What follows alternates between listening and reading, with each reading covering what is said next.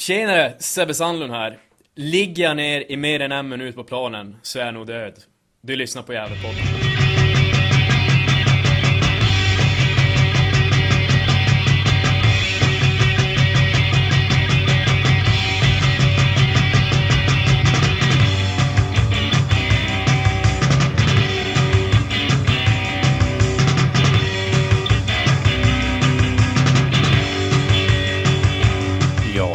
Allesammans och hjärtligt välkomna till Gävlepodden nummer 149. Jag heter Andreas Ström och tillsammans med Johan Norrström, Hugo Ådvall, Niklas Backlund och eh, med support av Per Magnusson så gör vi Gävlepodden. I det här avsnittet så får vi först lyssna till eh, två intervjuer som Hugo Ådvall gjort med Axel Norén och eh, Jaja Kalebane. Efter detta så får ni lyssna på ett snack som eh, jag, Andreas Ström, hade tillsammans med Niklas Backlund och Hugo Ådvall.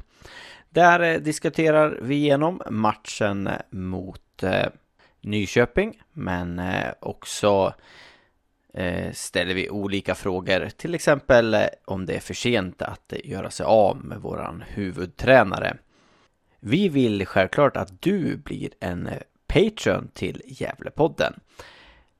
För att bli en Patreon så går du in på www.patreon.com Gävlepodden och skänker minst en dollar i månaden till oss.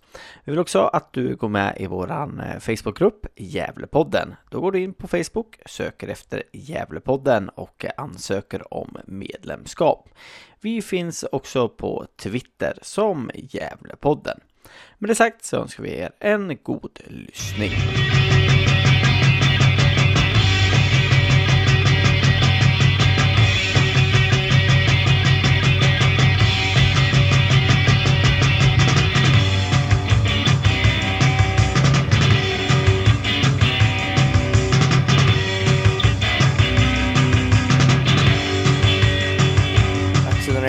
Två dagar efter förlusten mot Nyköping här hemma på Galvallen. Hur, hur går tankarna så här efteråt?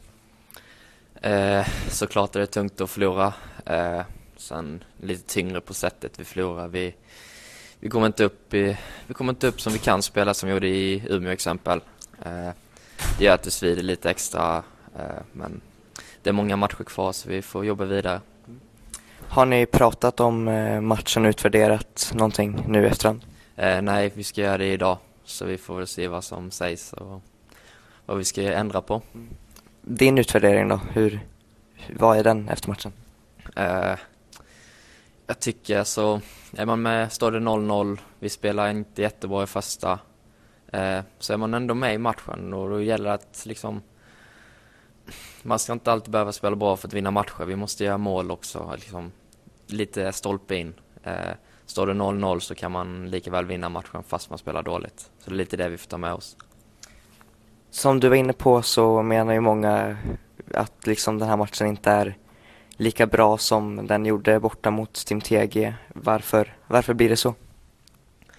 Ja du, hade jag haft något bra svar på det så hade jag gärna sagt men jag, jag vet inte riktigt. Eh, jag, jag hoppas inte att man är nervös, att det är viktiga poäng, att det, det är en sexpoängsmatch men ja, det, det stämde kanske inte bara i söndags men det är ingen, det är ingen bra ursäkt det heller så att det är svårt att säga.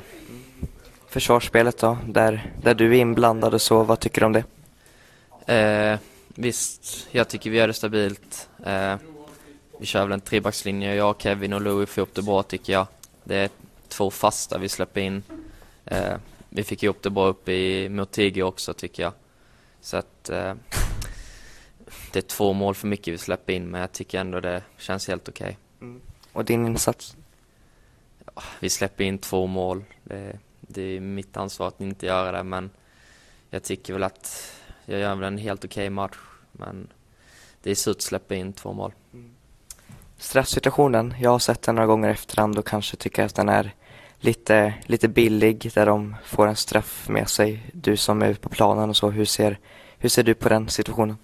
Eh, jag har inte sett den efteråt men eh, som jag såg det så ut som att Jaja försökt flytta på sig. Sen, sen vet jag inte riktigt mer än så. Eh, jag, ja, jag tycker nog inte det var straff så att jag får lita på honom. Förlusten gör att ni sjunker under eh, kvalstrecket och ner på nedflyttningsplats. Känslan? Ja, man vill ju aldrig vara där nere, eh, men eh, det är sju omgångar kvar, 21 poäng att spela om. Liksom, vi kan inte lägga oss ner här och dö nu. Är, nu är det liksom sju viktiga matcher framför oss och det är bara att köra på. Det är långt från över detta. Så att, eh, det gäller att vara positiv fast det är tungt och köra på för det, det är långt från över detta. Men att ligga där ni ligger nu är inget du hoppades eller förväntade dig innan, tror jag? Nej, såklart inte. Eh, visst, det, vi är ett nytt lag, alla kommer många nya, men eh, det var inte alls planerat från något håll att vi skulle ligga här, men nu ligger vi här där vi gör och då är det bara att jobba utifrån detta och fixa kontraktet. För att klara det då, att börja plocka poäng och lyfta i tabellen, vad tror du kommer krävas av er? Eh, först och främst så måste vi börja bli lite mognare. Eh, lite för mycket pojklagsfotboll ibland känns som liksom 50-50 dueller. Måste vi, det måste smälla liksom, vi måste vinna sådana dueller. Eh, det liksom måste tuffa till att visst ibland spelar vi jättebra, ibland sämre. Alltså det, det får inte vara så stora marginaler på högsta och lägsta nivån. Och vi måste, ja, vi måste vinna dueller liksom. Det är viktigt i A-lagsfotboll. Det är liksom lite rutin på att och det är det vi får göra. Fler och fler fans börjar bli lite eh, oroliga och så frustrerade utifrån läget och så. Vad, vad har du att hälsa till dem? Eh, jag förstår ju varför man blir orolig liksom. Åker hit här och vi förlorar mot Nyköping. Det är ju inte okej okay på något sätt. Men eh, jag lovar att vi spelar ju allt för att vi ska fixa detta kontraktet fast det, det inte stämmer i alla matcher. Men vi, vi kämpar verkligen för Gävle och vi gör allt för att vi ska klara detta.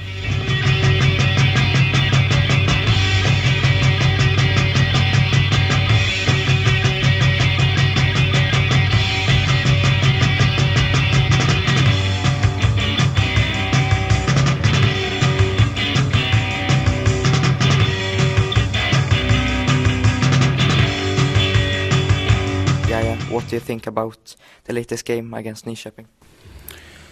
Uh, I think like it was like uh, the first half is we have like the chance to score, you know, and also um, we was like so much stressed like score quickly, you know. So that's why like uh, we keep going, you know. So we miss so so much uh, the the score. So.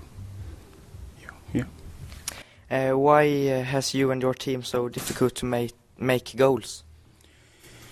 Yeah, uh, you know, sometimes like you know, uh, it's not this. It's not difficult. If you look, it's difficult. It's not difficult. You know, so you know, it's hard to like score, but I think we have to try like working for that, like finishing. You know. What do you think about you and your team's uh, season so far? Yeah, uh, you know, like we know, like we have like the bad situation right now, so we know we, we still believe it, you know, you see football, anything happen, you know, so we don't know what's going to happen tomorrow, you know, so we see, so I think we, we're to keep up, you know, until the season finishes, so we see what's going to happen, you know. Yes, uh, you switched the position from center back to midfielder. Uh, why? Uh, you know, like um, I play center back, I play midfield, you know. So I saw like a, so many uh, space in midfield, you know, and then the coach, like you know, he know like I'm, I'm playing midfield too, so he started to use me there, and then also I have to help like defender, cover the ball, everything, you know. Uh, what do you like most, uh, back or midfielder? Yeah, I like I like the both. You know, it's no it's no matter for me if I play if he, if I play mid back or midfield. You know. What do you think about uh, the end? Can uh, do this? Yeah, like he's we can do nothing, only work hard and then keep up fighting all the times, you know. And the last question: uh, Do you play in this club next season? Uh, we'll see. You know, the results are gonna come, so we'll see if he's gonna be here or I'm gonna go in. You know, so we'll see after season. Thank you very much.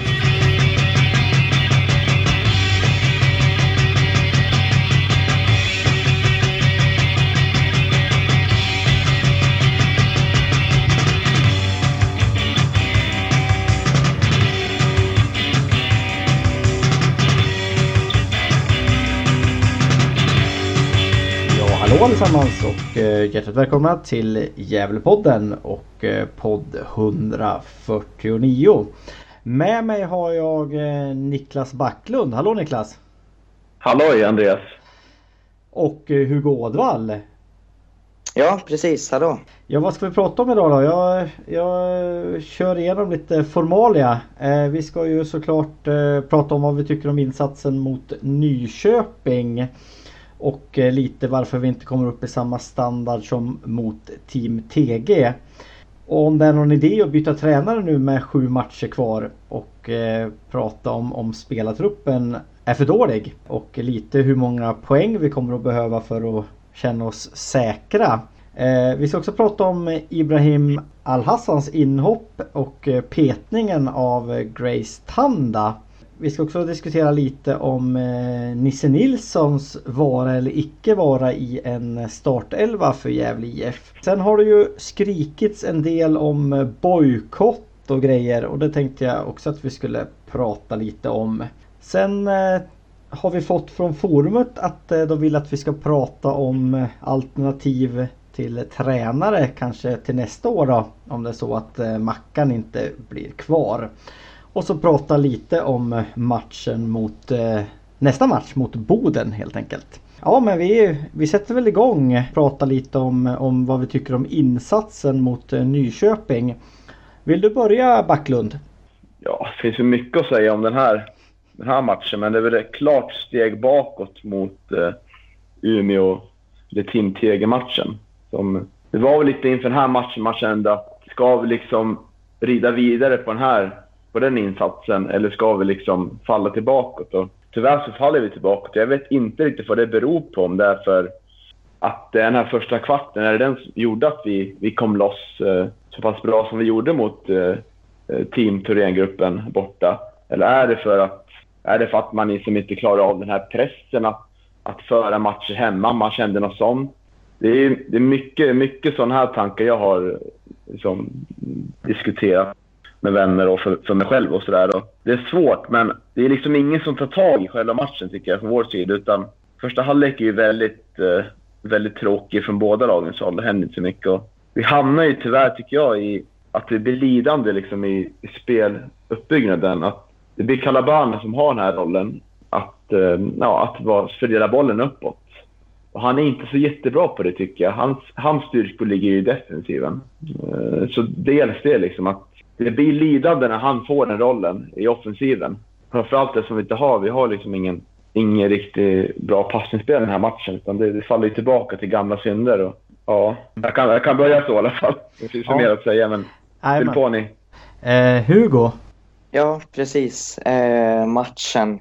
Jag eh, var nervös inför. Eh, som Niklas säger så var det väldigt mycket så att Eh, det fanns två vägar. Antingen så faller vi tillbaks eh, till så som vi har spelat tidigare under säsongen eh, eller så skulle vi fortsätta på det spåret som vi ändå startade mot TG borta, där vi gör en bra match.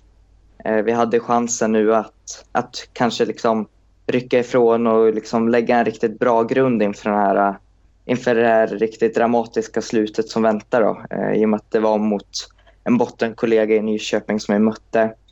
Första 5-10 minuterna så eh, får jag faktiskt lite hopp där jag står på Gavlevallen.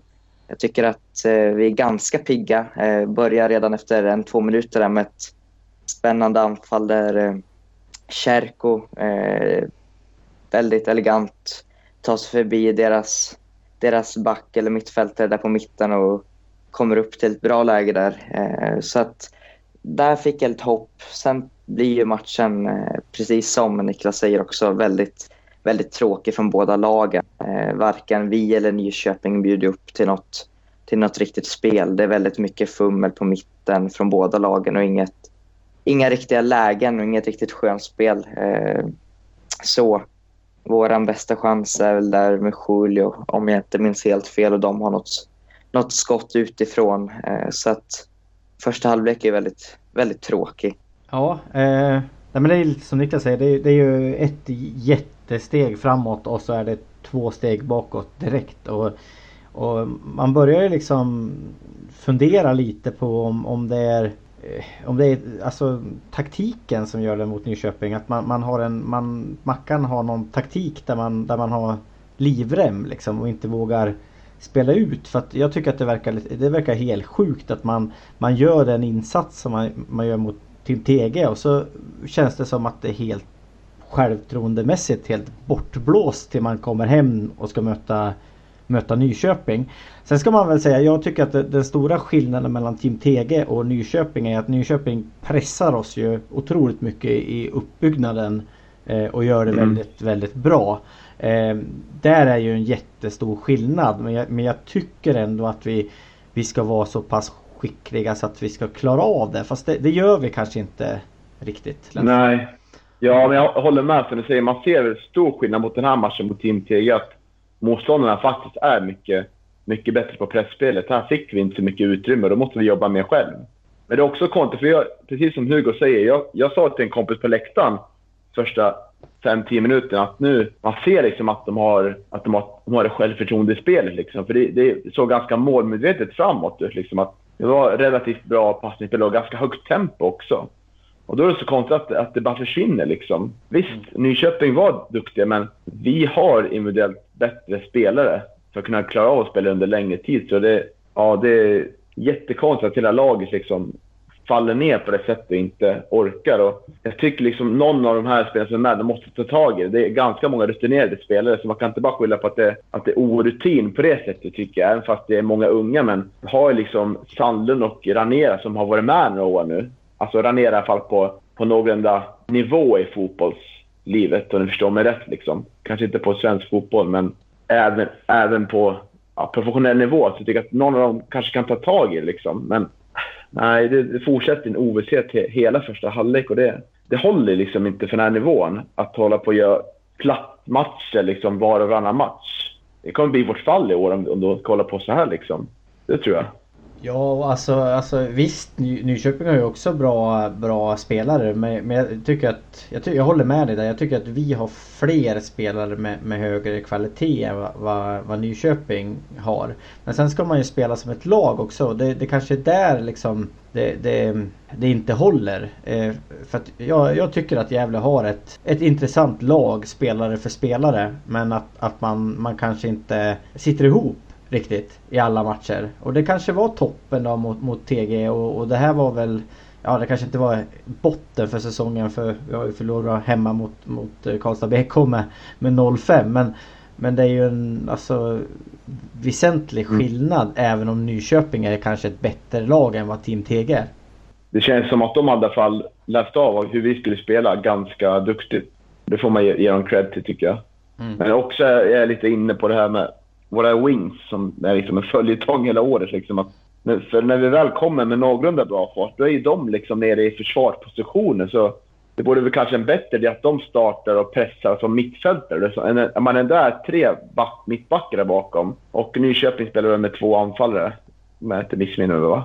Mm, så bo, då borde man istället kunna, då borde de tre kunna ta hand om två backar.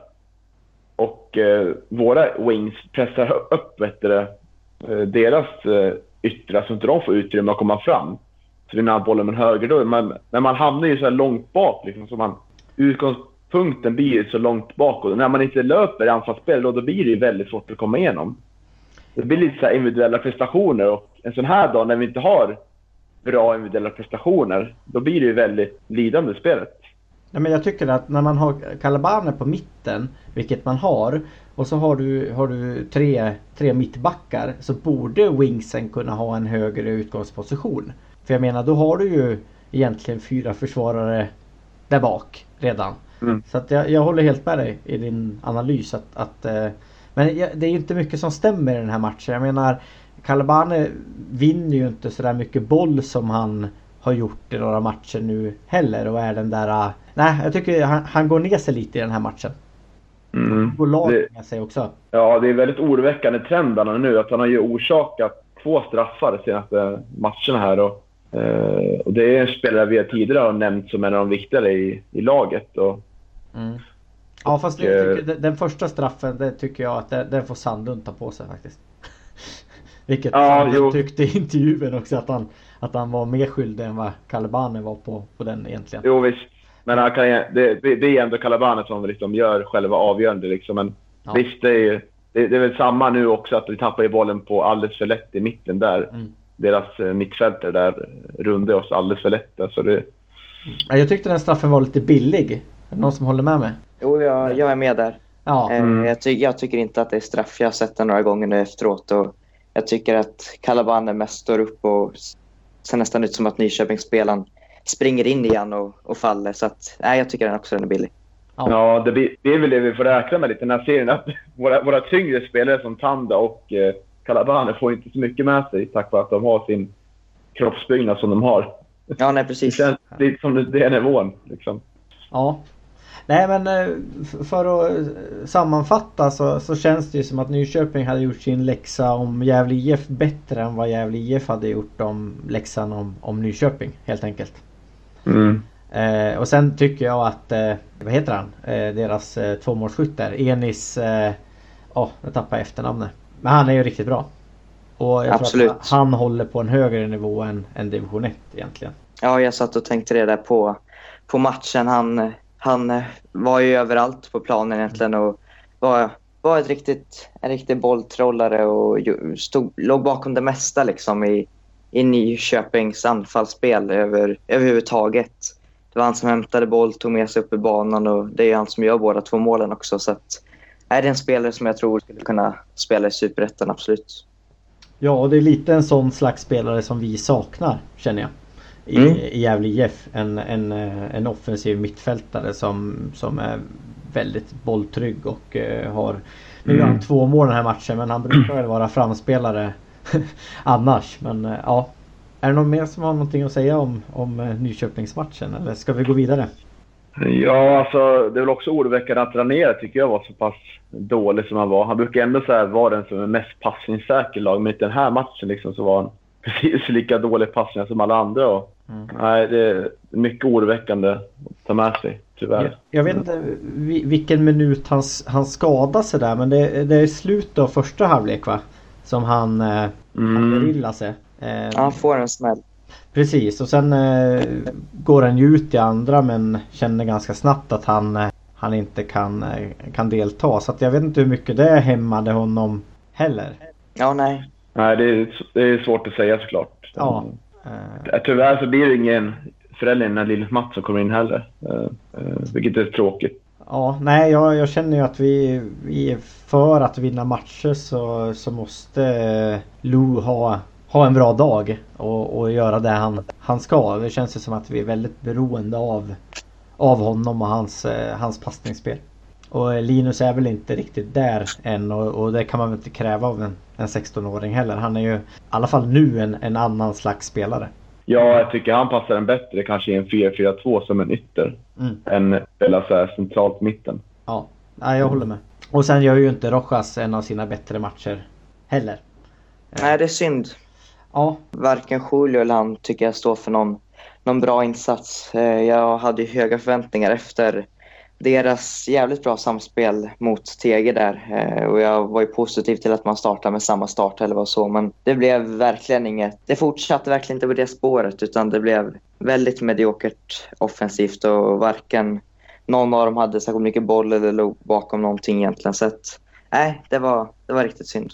Jag, hoppar lite i listan här för jag känner att det är bättre att prata klart om matchen och då kan vi prata om petningen av, av Grace och om vi tycker att det var rätt eller fel då.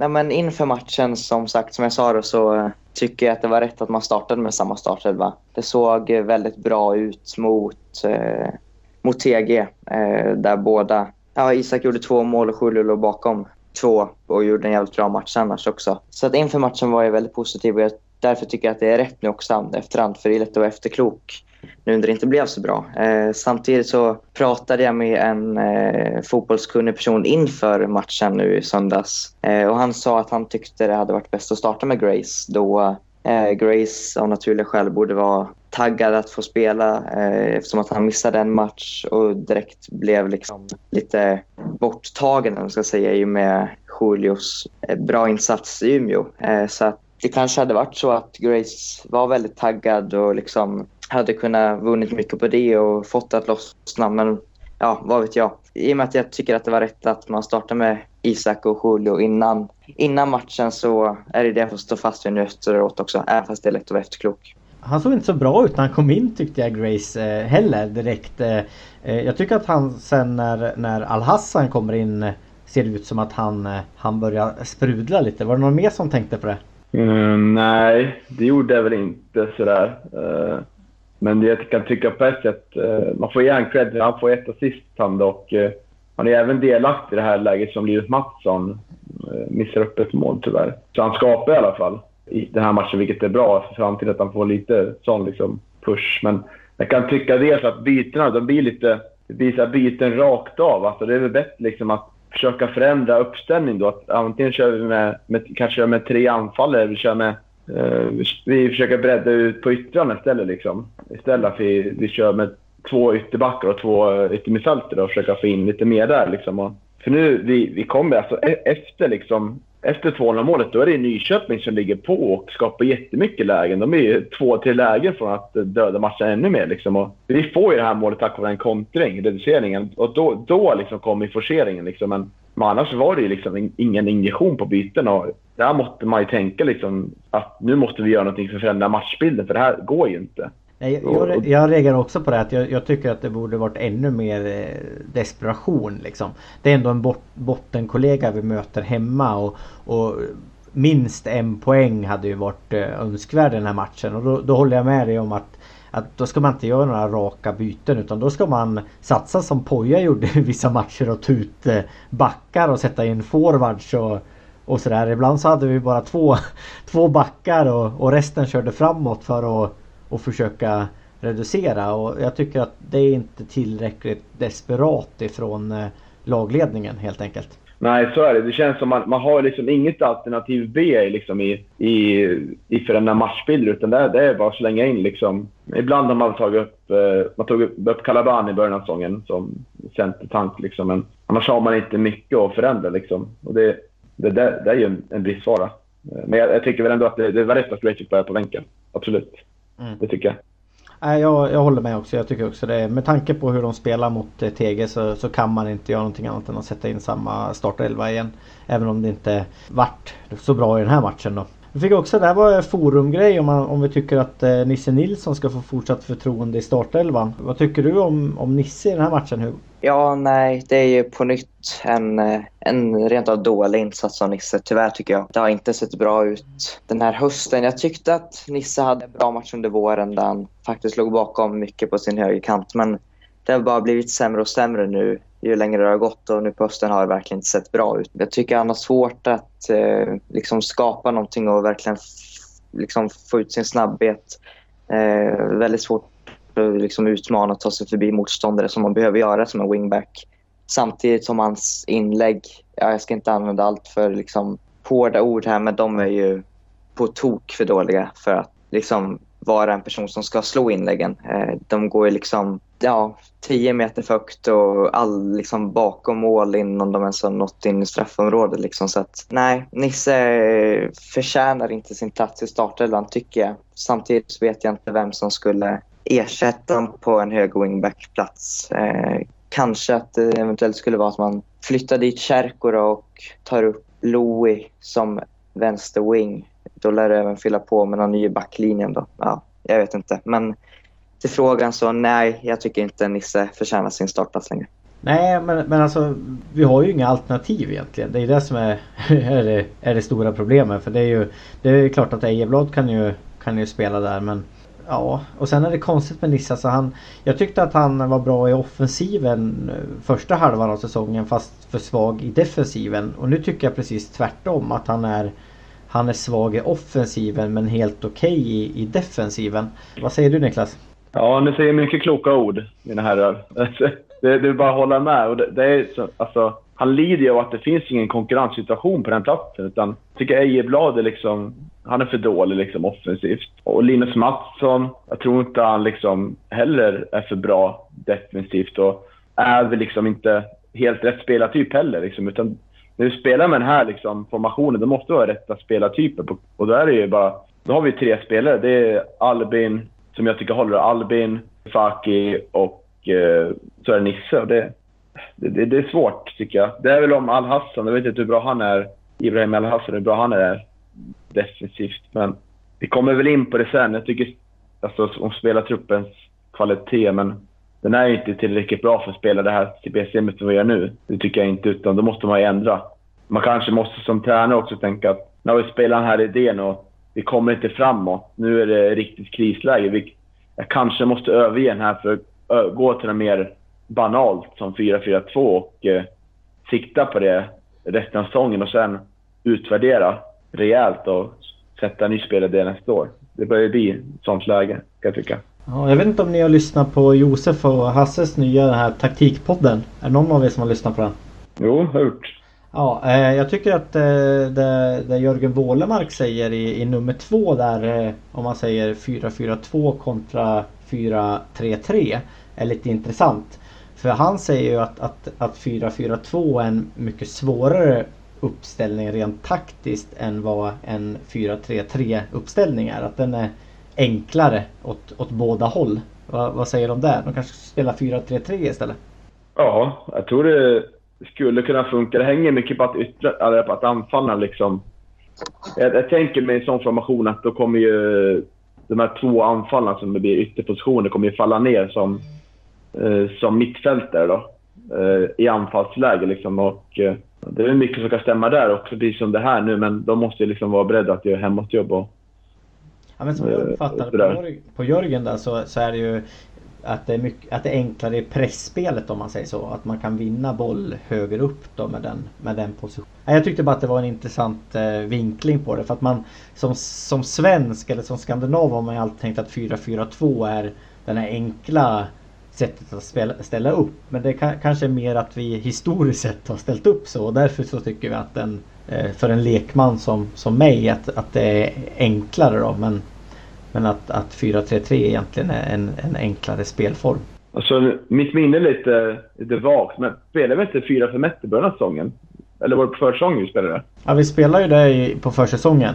Eh, och sen så vart det ju väldigt eh, kritiska röster. Och då, ja. då ändrar man ju. Så att, eh, jag har ju sagt hela tiden i den här podden att jag tror ju inte att, att laget är värvat efter den här, den här spelformen som vi har, har nu. Om man säger så. Och det är därför Nej. man inte har spelarna heller för att, för att spela det fullt ut. För då tror jag att man hade värvat på ett, på ett annat sätt. Vad tycker du vårt spelarmaterial för idag? Vilken formation skulle passa bäst? Jag tycker nog att vi skulle spela en, en, en 4-3-3. Eh, tror jag. För då skulle man kunna flytta upp Nisse som, som, eh, som eh, ytteranfallare också. Vilket nog skulle passa honom bättre. Det var ju där han, han spelade i, i Valbo om jag har förstått det, förstått det rätt. Ja, det är ett sånt läge nu att man måste prova liksom lite andra saker. Ja, jag menar vi har ju alltså Grace är ju en naturlig centertank egentligen och, och eh, jag tror att Fernandes skulle göra det bra på den andra kanten också. Eh, och sen skulle man ju, ja sen om Fernandes eller Al-Hassan eller, eller Nisse spelar det är ju en, en fråga som någon annan får lösa. Men jag, jag tror ändå att vi vi har eh, spelarmaterial för att, för att för att spela en sån, sån uppställning om man säger så. Precis, och jag känner liksom att man måste göra någonting nu för föräldrar. Liksom, som lag är vi alldeles för dåliga och då kommer det innebära att det kommer individuella prestationer som avgör mycket av hur det slutar i år, tror jag.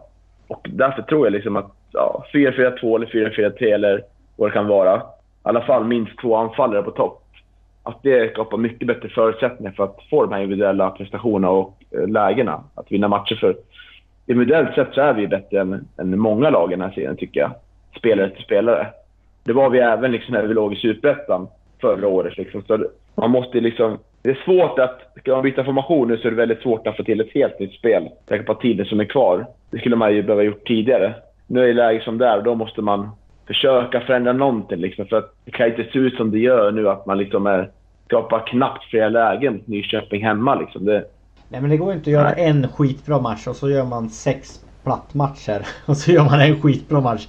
Det funkar ju liksom inte. Utan någonstans måste vi ju stabiliseras och, och, nu har vi inga matcher på oss att stabiliseras längre utan nu, nu måste vi liksom ta poäng i de här sju som är kvar. Annars så, så eh, vet inte jag vart, vart Gävle IF ska spela nästa säsong. Jag tror inte att det blir på Gavlevallen i alla fall. Om man åker ner i division 2. Så att det är ju verkligen akut. Vad säger du Hugo? Eh, nej men till spelsystem och så, så är jag också inne, inne på samma spår som er. Vi vill få upp mer folk i anfallen och på så sätt kunna, kunna skapa och göra fler mål.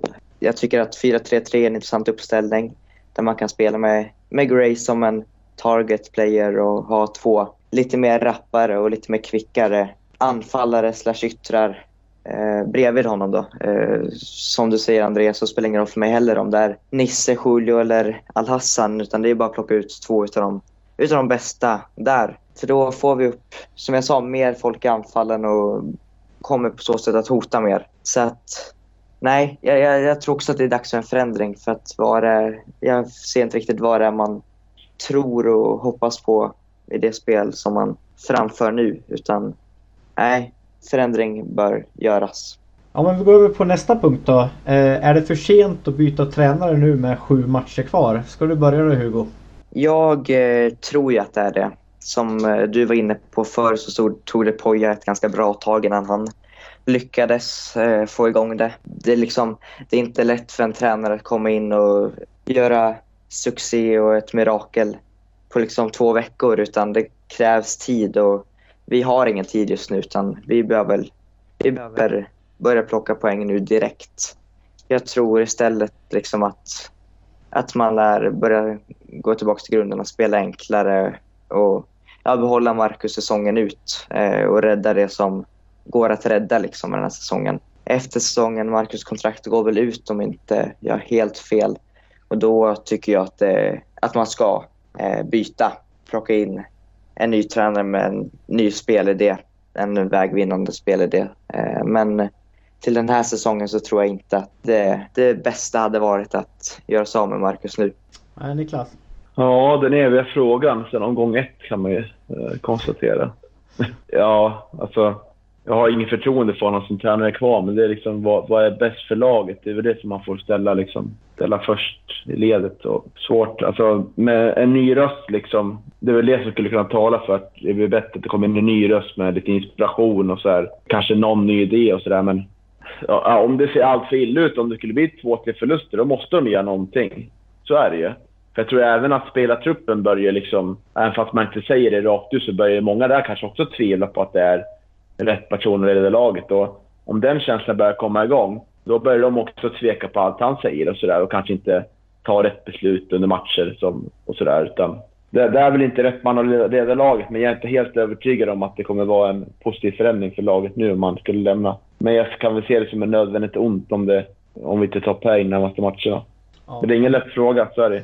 Men du kan inte få in någon nu som liksom ska ändra taktik och de ska ändra allting liksom. Utan då ska du in en sån här skrikig jävel i så fall. En sån här som bara vrålar och skäller liksom. för att skrämma dem till poäng liksom. För jag, jag tror inte att man... Du kan ta vilket geni som helst men de kommer inte att fixa det här på sju matcher. Utan då, då får du in, vad heter han tysken? Antoine. Ja, ja någon sån liksom. Eller Liston hette en va? En sån där som ja. en riktigt arg jävel som liksom Två tränare som var, som var i den här klubben och har så här sämsta poängsnittet. ja, precis. precis. Lovande. nej, nej, men jag, jag är ju med där. Jag, jag har också mitt förtroende för Marcus är inte jättehögt. Men, men som sagt var, vi, blir det bättre av att plocka in någon ny nu? Och det, det tror inte jag.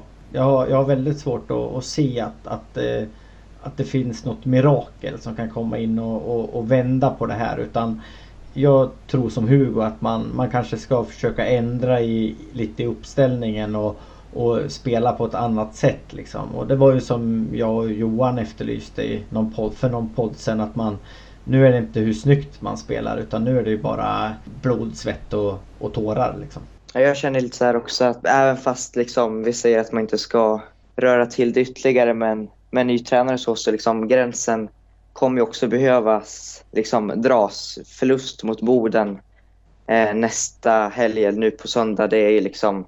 För mig blir det nästan en, en gräns för att då finns det inga undanflykter. Det finns ingen bortförklaring. Det är jumbon på konstgräs, bortaplan. Eh, ingen hemmapress eller om, man liksom, om det nu finns någon sån. Utan nej, det är tre poäng och det finns inget annat. Tar vi inte tre poäng där skulle det bli förlust.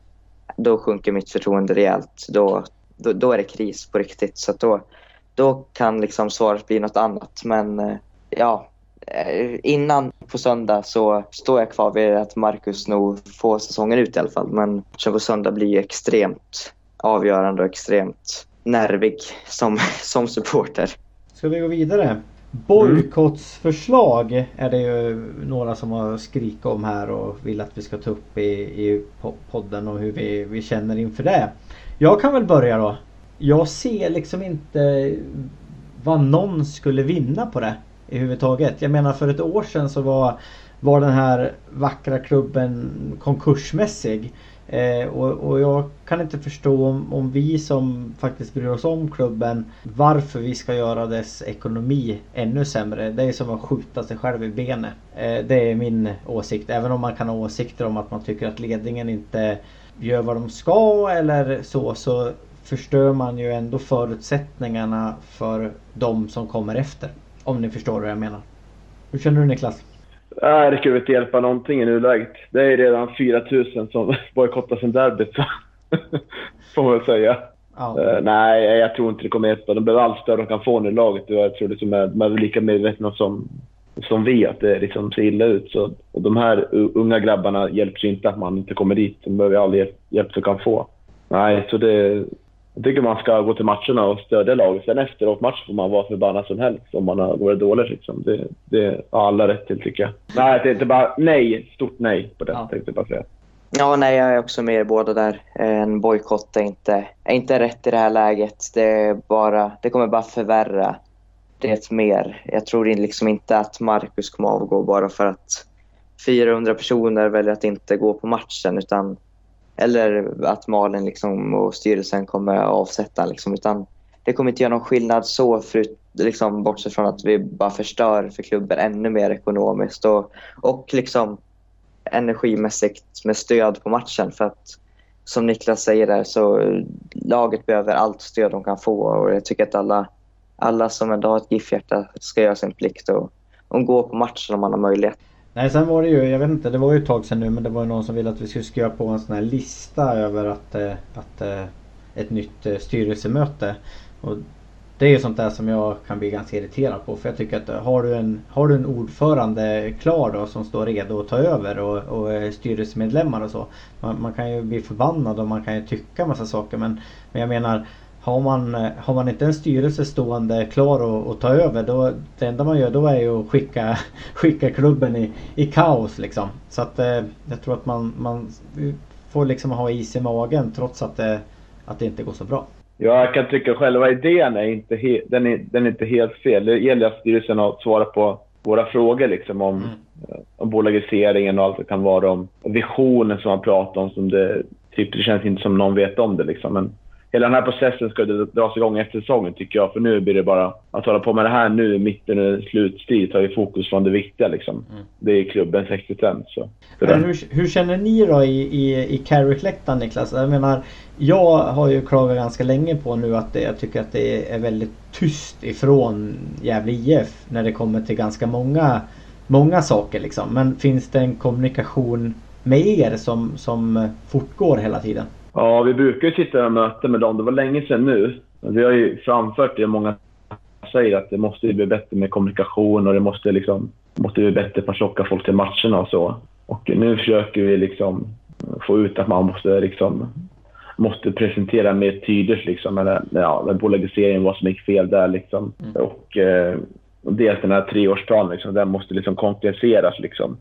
Jag tänker även här med utvecklande miljö. Vilka Sveriges mest utvecklande miljö. Det är väldigt fina ord, men det skadar inte att berätta för sina liksom, medlemmar vad det innebär i praktiken, så där, hur man ska uppnå det.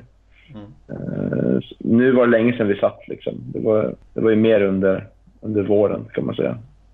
Ja, jag kan känna, jag har ju klagat ganska mycket på det här, det här med, med att det är väldigt eh, tisseltassel om vissa saker. Jag, jag, kan förstå att man inte går ut och säger så här att nu har vi nästan skrivit på ett kontrakt med den här och den här spelaren. Det är ju självklart att man inte kan gå ut eh, med det. Eh, och jag kan väl förstå någonstans att, att man inte går ut med med summor på hur mycket man har fått för spelare och sådär heller. Även om man kan se det på, på årsmöten vad, hur, hur budgeten går ihop och man kan räkna ut det. Men det här med det här tisseltassel om kontrakt som har varit i år. Det kan jag faktiskt inte förstå alls. För att alltså Sånt har ju alltid varit öppet förut om man har skrivit ett tvåårskontrakt eller ett treårskontrakt eller ett ettårskontrakt. Och det är ju så här om man nu tisslar och tasslar för att man är rädd för att klubbar ska bli intresserad. Det räcker att någon ringer upp Tandas eh, agent och frågar hur långt kontrakt han har så kommer ju agenten och berättar det för, för den klubben som är intresserad. Och, och sånt stör mig för att det är sånt som små saker som ändå inger intresse och jag är lite statistiknörd och jag, jag, jag, vet inte, jag gillar siffror och jag gillar att, att veta att okej, okay, Julio eh, eh, Fernandes har ett tvåårskontrakt och Isak Rojas har ett treårskontrakt. Jag vet inte. Men det är ändå sånt som, som inger lite intresse. Vad säger ni om det? Mm. Ja men så är det absolut. Att, och man är helt, man är helt liksom, alltså jag tänker på hur det var i Superettan. Då hade man ändå presskonferenser när, eh, när de nyspelare kom. Eller om det var allsvenskan. Jag kommer inte ihåg riktigt. Det var länge sedan. Eh, även fast det bara var något år sedan. man, man hade eh. presskonferenser i, i Superettan också. Ja, och nu kommer det spelare men har inga konferens, presskonferenser. Utan det är väldigt så här. Det sker via någon kort intervju på Facebook eller Instagram och sådär. Mm. Det måste ju liksom ske, ske med lite intresse liksom. Jo. Ja, så, så, är det ju. Men jag, jag, har ju försökt liksom. Jag frågade ju senast Isak Rojas vad han hade för kontrakt. Men han ville ju inte gå in på på det. Så att de är ju liksom, alla spelarna verkar vara satt med lite munkaver på vad de, vad de har för kontrakt och, och sådana grejer. Det är väldigt mm. mycket eh, liksom det är väldigt tyst tycker jag. Det, jag, jag har alltid klagat på, för jag, jag menar är man ett bolag då är det en sak. Men är man en, en, en förening med medlemmar då tycker jag att då kan man faktiskt vara lite mer outspoken. Och, och, och det in, gör ju att det blir mer intresse kring, kring klubben också. För det, det, det är ju väldigt tyst om precis allting. Mm. Håller med. Ja, vi går eh, vidare då. Så tar vi upp den frågan och oavsett om vi åker, eh, åker ur eller inte så borde ju en ny, ny tränare tas in till nästa år. Eh, och då vill man på forumet att vi eh, listar några, några tänkbara namn som kan tänkas att ta över Gävle. Och det kanske är oavsett division då. Eh, eller tycker vi att Marcus fortfarande är ett, ett alternativ? Ska du börja? Jag tror att du har bäst koll på det här Hugo. I alla fall bättre än mig. Min åsikt är ju att man, eh, man bör ju plocka in en ny tränare till nästa säsong oavsett, oavsett division. Tyvärr så är jag orolig för att man i, man i styrelse och liksom allt därifrån kommer att liksom vara nöjd med Marcus om man, om man på något sätt nu lyckas med att stanna kvar. För att liksom, det är lite så det känns den här säsongen. Man har, liksom, man har inga krav utan man, man är nöjd så fort liksom, ja, men som nu då, att man skulle stanna kvar. Men eh, min åsikt är ju att man, man bör plocka in en, en ny tränare oavsett om man åker ur eller blir kvar ettan. Eh, och alternativ då att plocka in, jag ser ju såklart John Wall som är väldigt aktuell just nu. Eh, bor i Gävle, en väldigt taktiskt kunnande men ändå ganska fina meriter ja, men, ett stort kontaktnät. Som sagt, bor i Gävle, vill träna en klubb, klubblös just nu. Liksom, allt är liksom upplagt för att, han, för att han ska kunna träna i Gävle. Sen så har jag även varit inne i podden tidigare, tror jag, om, om eh, Sandvikens AIKs tränare i division 3, Eldar Abdulic, som håller på att ta upp den klubben till tvåan just nu. Har gjort ett väldigt bra arbete med dem vann eh, fyran och nu även håller på att vinna trean då, gå upp till tvåan. En eh, väldigt intressant tränare som jag har goda kontakter med bland annat John och väldigt många andra tränare så i fotbollssverige. Jag, jag ligger även på uppgifter där jag vet att det finns superettan-klubbar som har hört av sig till honom om, att, om, om ett intresse om att vilja ha honom som tränare. Så att det är mina två heta kandidater till att ta över Gävle IF. Och som sagt så hoppas jag då att man oavsett division nästa säsong tar in en eller liksom två nya tränare. Men skulle inte det kunna vara ett, ett team då att ta in både sportchefen och tränaren från, eh, från SAIK? Precis, eh, lite så jag tänkte också nu när man nu när David avgår så vet du, det är ju mitt och kanske ditt också Andreas eh, favoritkandidat nästan då, Mike Markarian i, i SAIK där också. Både han och Eldar tror jag hade varit perfekta för klubben. Eh, båda har gjort ett otroligt bra arbete med SAIK som bara på några säsonger har vuxit sig riktigt stora faktiskt eh, i lokalfotboll så nu även på väg upp i tvåan. Då, så att, nej, jag tror att det hade varit en perfekt kombination med de två plus kanske då John, John Wall som huvudtränare. Vad säger du Niklas? Har du någon namn? Oj, ja, det är väl mycket spännande namn som Hugo nämner där tycker jag. Man kommer liksom... Jag antar att plånboken inte kommer att vara jättestor liksom. Jag tror liksom, jag vet inte hur mycket Marcus har, har lön nu. Man fick eh, gå ner i lön från Superettan och eh, om man har samma... Om man har den Superettan-lönen har så är det ju ändå relativt bra om man kan erbjuda tränare så. Jag är väl lite inne på det, visst det är spännande med de här yngre tränarna men faktiskt vore det skönt att få någon rutinerad som man vet kan liksom kanske inte göra underverk liksom, men, men det vore skönt att ha en lugn säsong. Liksom. Det känns väl inte som man har liksom, så här, gjort gro, grovarbete kring att hitta någon spelare som passar den här spelarprofilen Gävle IF vill ha, som för övrigt är oklar. Så det, det måste ju vara liksom... Det hänger väl ihop liksom med allt som händer i klubben. Nu klubbdirektören lämnar. Där har man sagt att man vill se över liksom hur man ska tillsätta nya rollen. Och, eh, jag vet att David har haft jättemycket att göra mer än, vad, mer än den här klubbdirektörsrollen. Liksom, mycket samordna liksom, hela klubben. Och man borde ju leta efter, få in någon, någon som kan vara, ha sportchef, vara sportchefstjänst också. Liksom. Inte, inte för att utesluta klubbdirektör, men få in en sportchef som kan sätta en grund, grund i det här spelet och den här planen och en tränare och de ska liksom synka väldigt bra. Och det, bara det liksom är ju långt arbete som jag hoppas de har påbörjat liksom och sätta liksom. För det kan inte fortgå så här att det man inte spelar efter någon idé, att det bara så här, man byter ut hela truppen år efter år. Liksom, utan det måste vara en tydlig spelidé och en, med tydliga värvningar in till det. Och jag, har, jag har väl inga riktiga namn liksom, förutom det. Jag vet inte hur aktiv Gävle IF är som klubb. Det är inte för de här som, som Brännström förr. Liksom. Jag tror inte sådana typer är aktuell Gävle IF nu om man, om man redan led, ligger i division 1. Sådär. Utan då, då är man nog kvar i en annan division 1-klubb beroende på hur bra resurser man har där. Liksom. Ja, jag, jag tror ju att, eh, att eh, på, på division 1 nivå så är, tror jag ändå att Gävle är eh, och division 2 nivå är väldigt attraktiv klubb. Men det är klart att en sån som Brännström funkar inte som är i en superettan-klubb. Det kan vi ju det kan vi nog bara glömma nu och jag, jag tror ju att man Lika som när man värvar spelare så, så får, man, får man värva ungt och lovande på, på tränar tränarposition också och kanske på sportchefsnivån också. Att man, man, eh, där man ligger nu så kan man inte jaga efter de här eh, de stora namnen liksom utan Utan jag tror att man, man, man får eh, Man får helt enkelt chansa och, och, hoppas att, att det är en tränare på väg upp Liksom Poja var när han När han kom till oss Han var ju bara hos ett halvår men han lyckas ju Göra det så bra så att IFK ville ha honom. Så att, eh, jag tror ändå på, på lokalt och, och, eh, och lovande på träning, tränarpositionen.